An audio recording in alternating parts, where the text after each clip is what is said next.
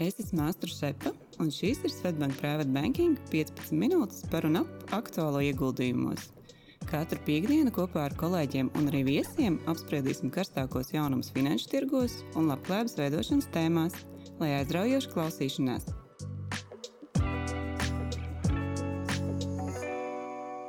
Esiet sveicināti podkāstu 49. epizodē. Šodien es, Mārtiņš, esmu kopā ar privātu banķieru Danielu Stauro. Čau, Daniel! Sveiki! Un šodien arī unikāla diena. Mums ir ēnu diena, un mums ir pievienojusies Elīze. Sveiki visiem! Es esmu Elīze. Man ir liels prieks šodien jums pievienoties. Es šodien esmu Ēna Danielam. Un šodien podkāstā mēs ierakstām par finanšu rezultātiem. Ir noslēdzies marts, ir noslēdzies arī pirmais ceturksnis 23. gadā.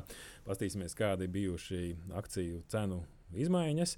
Jāsaka, ka marts ir bijis ļoti aizraujošs, interesants ar ļoti daudz dažādiem notikumiem. Mēs esam redzējuši nenoteiktību dažādās nozarēs, bet tajā pašā laikā arī redzam nu, notikumus, kas ir pretpasākumi nenoteiktībai. Un, nu, teiksim, tā, centrālās bankas un valdības bieži vien īsteno kaut kāds pasākums, kas mazina to, un marts ir spilgts piemērs. Uh, viens no sektoriem, noteikti, ko mēs nevaram nepieminēt, ir finanšu sektors, kur ir bijušas svārstības martā. Uh, Jā, piekritīšu tev, ka mārts bija interesants mēnesis. Īstenībā pēdējos gados jau ir vērojama tāda tendence, ka katru gadu martā norisinās notikumi, kas uz laiku destabilizē finanšu tirgu. Un šogad, jā, tiešām turbulences cēlonis nāca no banku sektora. Un jāsaka, ka tas būs ASV bankas, un te noteikti jāpiemina tās reģionālās bankas. Šeit spilgs piemērs, kad kādu nu, Trumpa laikā laikam, tas notikās, kad tika atviegloti regulātoru noteikumi, un šī gadījumā arī pārmetumi bieži vien ir tajā, ka netika pārāk labi uzraudzītas šīs bankas, kur radās šīs svārstības. Mm, tieši tā, un um, gribētos no tām visām reģionālajām bankām izcelt tieši vienu, kas visdrīzāk bija visbiežāk dzirdama ziņās un lasāma dažādos portālos. Tā bija Silicon Valley banka, uh, kas ir 16. lielākā pēc sava aktīva apjoma banka ASV. Un, eh, jāpiemina, ka eh, šī banka varbūt bija raksturīga arī ar saviem klientiem, jau savu klientu bāzi, jo bieži tieši startupi tika izvēlējušies šo banku kā savu sadarbības partneri. Jāsaka, ka startup nozarē nu, bija labi gadi, kad bija ļoti lieli naudas ieplūdumi un atbilstoši viņi nogulsnējās bankas depozītos. Bet, nu, skatoties, kas noticis turpmāk, jāsaka, ka viņiem jāsāk tērēt bija savi līdzekļi, un automātiski viņi jau arī samazināja savus depozītu apjomus. Tieši tā, jo pagaiš, pagājušais gads bija pretēji Covid gadam, ja, kad mēs redzējām, ka tirgi kritās un visvairāk cieta tieši finanšu nozare no tā. Tiešām bija nepieciešamība šiem startupiem, tehnoloģiju uzņēmumiem ņemt laukā naudas līdzekļus, mazināt bankas depozītus. Un, jā, tādā veidā banka arī nokļuva uh, situācijā, kad ir jāpārdod savi aktīvi Tas nozīmē, nu, klientu līdzekļi, kas tika vai nu izsniegti citos aizdevumos, jā, vai ieguldīti citos uh, vērtspīros, jā, pieņemsim, kā uh, valdības obligācijas. Šajā gadījumā tās bija valdības obligācijas garu termiņu. Uh, Un, eh, kā jau mēs arī vienā no podkāstu epizodēm runājām par obligāciju specifiku, kad viņu vērtība varbūt šodien novērtējot ir viena, nu, bet tajā pašā laikā, ja mēs turētu līdz eh, obligācijas dzēšanas termiņam, mēs saņemtu visu pamatsummu simtprocentīgi apmērā. Bet nu, radās situācija, ka bankai nu, bija nepieciešamība pārdot savu obligāciju portfeli ātrāk ar zaudējumiem. Un, jā, ja mēs paskatāmies ciparos, jā, cik lieli bija zaudējumi, tad beigās uh, Silicon Valley banka bija spiesta pārdot savu obligāciju portfeli 21 miljardu apmērā un uh, ar 2 miljardu lielu diskontu. Jā, tas nozīmē, ka par 2 miljardiem lētāk nekā tā, tās obligācijas bija nopirktas. Un jāpiemina, ka nu, atšķirībā ASV ir šis slieksnis, kas ir garantēts depozīta ņēmējiem, ir 250 tūkstoši ASV dolāri. Uh, Un, eh, nu, skatoties to specifiku, to klientu bāzi, lielākajai daļai nu, bija summas virs šīs, eh, šīs noteikta apjoma, un automātiski satraukums bija nu, tāds uh, lielāks. Automātiski cilvēki uh, un uzņēmumi sāka satraukties par saviem līdzekļiem un pastiprināt, ņemt tos ārā, kas arī droši vien radīja to vienu no problēmām. Nu, arī banka kaut kādā momentā sāka meklēt papildus līdzekļus. Tas arī radīja uzreiz nenoteiktību, neskaidrību un tādu satraukumu tirgu. Tas viss kopējā fonā rezultējās ar to, ka nu, tas apjoms vienā brīdī sāka gāzties tik liels, ka nu, vairs nebija iespējams bankai to īstenot un bija jāglābj nu, regulātoram Mēs redzējām, ka gan centrālā banka, gan pats prezidents nu, nāca ar paziņojumu, ka finanšu sektors ir jābūt stabilam un viss tiks darīts tā rezultātā, lai normalizētu situāciju un šāda naudas izņemšana nepār, nepāriet uz, uz citām finanšu iestādēm. Manuprāt, īsti tas ļoti labi arī īstenojās, un mēs redzam, ka tāda izteikta pēc tam problemātika nav paplašinājusies. Jā, piekritīšu, jo Fedam tiešām izdevās nomierināt cilvēku sabiedrību un stabilizēt bankas sektoru. Jo nu, tā panika, tā, tas arī bija tas galvenais cēlonis, kāpēc uh, banka saskārās ar grūtībām.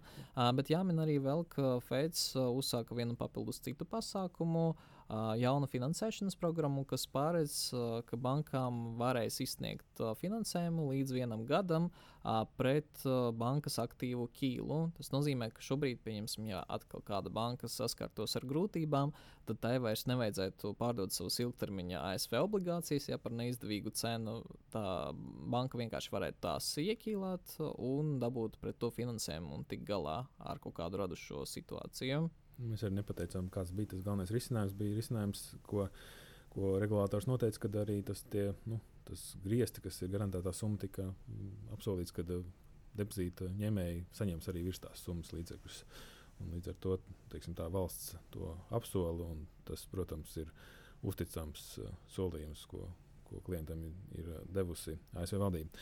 Uh, bet nu, fonds, protams, padarīja visu arī nepārāk patīkamu Eiropas kontinentā. Mēs noteikti dzirdējām ar kredītas visu gadījumu, kad nu, šī gadījumā tas var būt atšķirīgs stāsts par, par to, ka nebija gluži varbūt neveiksmīgi nopirktas obligācijas, bet nu, jau vairāk gadu garumā bankai bija dažādi skandāli, dažādi neveiksmīgi ieguldījumi, zaudējumi no tiem. Vēl pēdējā laikā ir nācis runas par pārskatu tur, problēmām, attiecināt pareizību. Un tas viss rezultējās ar to, ka arī nenoteiktība bija šajā bankā. Šveices centrālā nu, tā, Šveices valsts arī nāca ar palīdzības programmu, 50 miljardu apmērā deva aizdevumus, bet nu, tur papildus nāca negatīvas ziņas, ka lielākais akcionārs vairs īsti nevarēs palīdzēt bankai. Nu, tad kopumā tas nedēļas nogalē rezultējās ar to, ka viens no lielāk, nu, lielākais konkurents, UBS banka, arī otra Šveices banka, pārņēma kredītus visu un nopirka nu, banku savā, savā rīcībā. Šī gadījumā risinājums nu, nenoteiktībai bija šāds un atbilstoši nu, tirgi arī to ir pieņēmuši kā, kā, kā, kā gana labu, un, un tāds papildus nenoteiktību uz citām bankām nav izplatījusies. Nu, protams, ka cena tas ir ietekmējis šo finanšu sektoru. Skatoties, nu, droši vien jāapstāsta, kā kopējā finanšu tirgus ir, ir darbojies marta mēnesī. Bet nu, tas viens no tiem elementiem, kā, kas nosaka, ir nu, centrālās bankas. Centrālās bankas ir sanākušas marta mēnesī un, un spriedušas par, ja godīgi sakot, ļoti tādā veidā grūtā brīdī, kad ir vēl papildus tādi elementi nākuši klāt, lai viņiem to lēmumu padarītu vēl sarežģītāku. Jā, līdz ar šo visu situāciju ar bankām daudz investori cerēja, ka nu, tūlīt uh, centrālās bankas gan ASV, gan Eiropā pārstās paaugstināt savas likmes. Uh, un uh, otrādi varbūt uh, gan apstāsies, gan arī vēl samazinās, lai stimulētu ekonomiku, lai atbalstītu banku sektoru. Uh, Uh, tomēr um, abas centrālās bankas, gan FEDS, gan ECB, pārsteidza, un abas ir paaugstinājušās bāzes likmes. Un FEDS to ir izdarījis jau devīto reizi, šoreiz uh, tikai uz 25 bāzes punktiem. Un, jā, FEDS atzina, ka šobrīd ir divi tie pamatmērķi - turpināt veco cīņu ar inflāciju, kā arī nu, šobrīd veicināt stabilitāti banku sektorā. Savukārt ECB sēdē paaugstināja likmi par 50 bāzes punktiem, un ECB gan atzina, ka inflācija rada daudz lielākus draudus ekonomikai nekā grūtības banku sektorā. Tāpēc ECB ir apņēmusies turpināt savu kursu uz likmes celšanu. Tomēr mm, jāatzīst, ka pēdējā sēdē ECB retorikā nebija uh, dzirdami konkrēti plāni par nākamo likmi palielināšanu. Līdz ar to izskan teorijas, ka nākamajā sēdēs varētu iepauzēt ar likmi celšanu, un tās varētu palikt nemainīgas. Bet kā būs, nu, to mēs varam redzēt tikai tālāk. Nu, vienmēr būs tā inflācija, uz ko skatīsies. Ir ļoti izteikti un stingri pateikts, ka inflācija ir galvenais, eh, galvenais jautājums, kas jāatrisina. Eiropā iznākuši ātrie dati, vai inflācija samazinājusies no 8,5% uz 6,9%. Tas ir ātrie dati, eh, vēl tiks precizēti kas ir labi. Tajā pašā laikā varbūt maz, maz, maz tāds varbūt negatīvs mo moments ir, kad, ja skatāmies to pamatinflāciju, kur izņemam ārā mm, enerģijas cenas un, un pārtiku, tad pa 0,1% ir pieaugums bijis martā. Un Amerikā ja vēl joprojām viss skatās uz nodarbinātības datiem, ņemot vērā, ka ASV nodarbinātība ir teiksim, tā, tāds pārkars sektors. Uh, visi cer tur saņemt tādus varbūt signālus, kas liecina par to, ka eh, nu, vairāk karstāk tur nepaliek un vai drīzāk atslābinās varbūt, nodarbinātības eh, šie rādītāji ASV tirgu. Bet pieskaroties tieši, nu, kas tad bijis eh, finanšu tirgos, SP 500 indeks, kāds ir rezultāts no gada sākuma. No gada sākuma ir, ir cienījams pieaugums. 7, nu, kaut kur nepilnīgi 7,5% ir augus, audzis tirgus no gada sākuma. Un, Marta mēnesī ir bijis nu, pieaugums 3,7% apmēram. Nu, ļoti, ļoti labi, neskatoties uz to, ka arī finanšu sektors bija svārstīgs. Bet pārsteidzoši labi rezultāti ir Nasdaq kompozīta indeksam, kas ir audzis par, par 6,8% martā. Un, nu, no gada sākuma vispār pārsteidzošs rezultāts būs 17%. Tas jāsaka, ka, protams, milzu tāds ieguvums ir tajā, ka, nu, kā, kā varētu izskaidrot šos ciprus, kad uh, mēs 22. gadā redzējām, protams, arī iespaidīgus kritumus. Tas, no nu, kādas bāzes uh, šis pieaugums arī ir jāņem vērā. Jā, arī es apskatīju detalizētāk ASV sektorus. Un, protams, jā, viennozīmīgi nozara, kas uzvar pārliecinoši, ja tas ir uh, tehnoloģiju uzņēmumi. Un, uh, jā, jāsaka, ka uh, tehnoloģiju uzņēmumi kopš gada sākuma uh, uzrādīja performanci plus 21%, un uh, mārta griezumā tie ir gandrīz vairāk nekā 8%.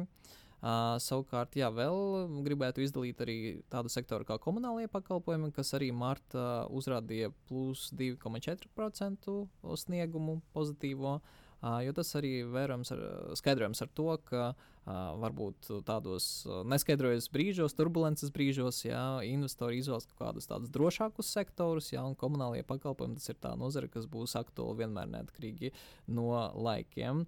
Ja mēs apskatāmies kādus zaudētājus, kas bija tie lielākie zaudētāji, tad nu, nav pārsteigums. Protams, tā bija finanšu nozare līdz ar šo banku situāciju. Tie ir gandrīz mīnus 12% martā. Uh, Uh, savukārt, uh, vēl arī gribētos izdalīt, ka uh, tāda nozare zaudētāja, kas uh, martā gandrīz minus 4% uzrādīja, tas ir nekustamais īpašums, un šeit atkal ir uh, procentu likmju kāpumu uh, efekts, ja, jo uh, esošie kredīti paliek dārgākie, līdz ar to komerci īpašumu īpašniekiem uh, kļūst ar vien grūtāk uh, sekt kredītmaksājumus ar uh, saviem īres ieņēmumiem. Uh, Tāpēc arī pieprasījums pēc nekustamā īpašuma samazinās. Un mēs jau arī Sergeju vienā no iepriekšējām epizodēm runājām tieši par nekustamā īpašuma nozari. Arī tad jau pieminēts kritums 12 mēnešos bija iespaidīgs. Nu, šobrīd vēl turpinās. Vēl nenoteiktība ir liela un atbilstoši jā, procentu likuma pieaugums ir vēl pavilcis uz leju rezultātus šajā sektorā. Un arī Bank of America paziņoja mm, datus par saviem klientiem, ka arvien vairāk klientu uh, pārdod fondus, kas ir saistīti ar nekustamajiem īpašumiem. Savukārt Goldman Sachs uh, prognozēja, ka šī nekustamā īpašuma nozare varētu būt uh, iespējams nākamā nozare, kas uh, saskartos ar grūtībām pēc banku sektora. Jā. Un Eiropā līdzīgi, ja tu saki par nekustamo īpašumu sektoru, tas arī viens no neveiksmīgākajiem bijis martā nu, 11% kritums.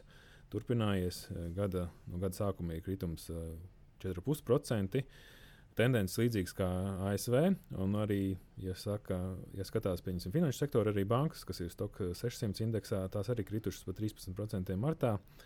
Jāsaka, gan no gada sākuma ir eh, pieaugums 5,4%.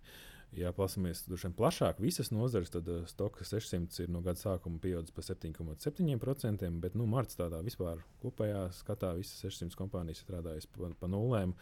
Un te jāpiemina arī veiksminieki. Tad veiksminieki no gada sākuma noteikti ir tās pašas tehnoloģijas kompānijas, arī Eiropā, varbūt ne tik spēcīgas, bet uh, arī šeit ir ļoti labi rezultāti. Uh, Mēneša griezumā ir ne, nepilnīgi 6% pieaugums. Vēl pozitīvi ir strādājuši automobīļu ražotāji. Nu, ne varbūt ne martā, kad ir mīnus 1%, bet no paša gada sākuma auto, automobīļu nozare ir pieaugusi par 17%. Un noteikti jāpiemina arī turisma nozare. Turisma nozare ir no gada sākuma plus 20%, kas ir avio kompānijas, viesnīcas, šāda veida uzņēmumi pārstāvēts. šajā sektorā. Nu, pozitīvi noteikti jāskatās nestabilitātei, tādā ir uh, zelta. Jā, tieši tā. Atkal zelts ir kļuvis populārs martā. Protams, tas ir skaidrojams ar to uh, turbulenci, ja, kas bija tirgos, jo parasti šādos laikos investori uh, ieguldat aizsargmetālā, ja, kas joprojām tiek uzskatīts par tādu zelta. Un, jā, zelts atkal ir uzkāpis cenā. Atkārtojas pagājušā gada martu, kad sākās karš, un cena pārsniedza 2000 dolāru līmeni. O, to tomēr jāsaka, ka līdz ar šo banku situāciju stabilizēšanos cena atkal ir nedaudz pakritusies, bet ir saglabājusies līdz 2000. Un, jā, bet visdrīzāk šobrīd jā, nebūs liela volatilitāte, turbulence tirgos, jā, tad zelta cena atkal kritīs vēl vairāk. Nu, vēl pozitīvi jāpiemina ir uh, valdības obligācijas. Eirozonas valdības obligācijas arī ir martā plus 2,4%.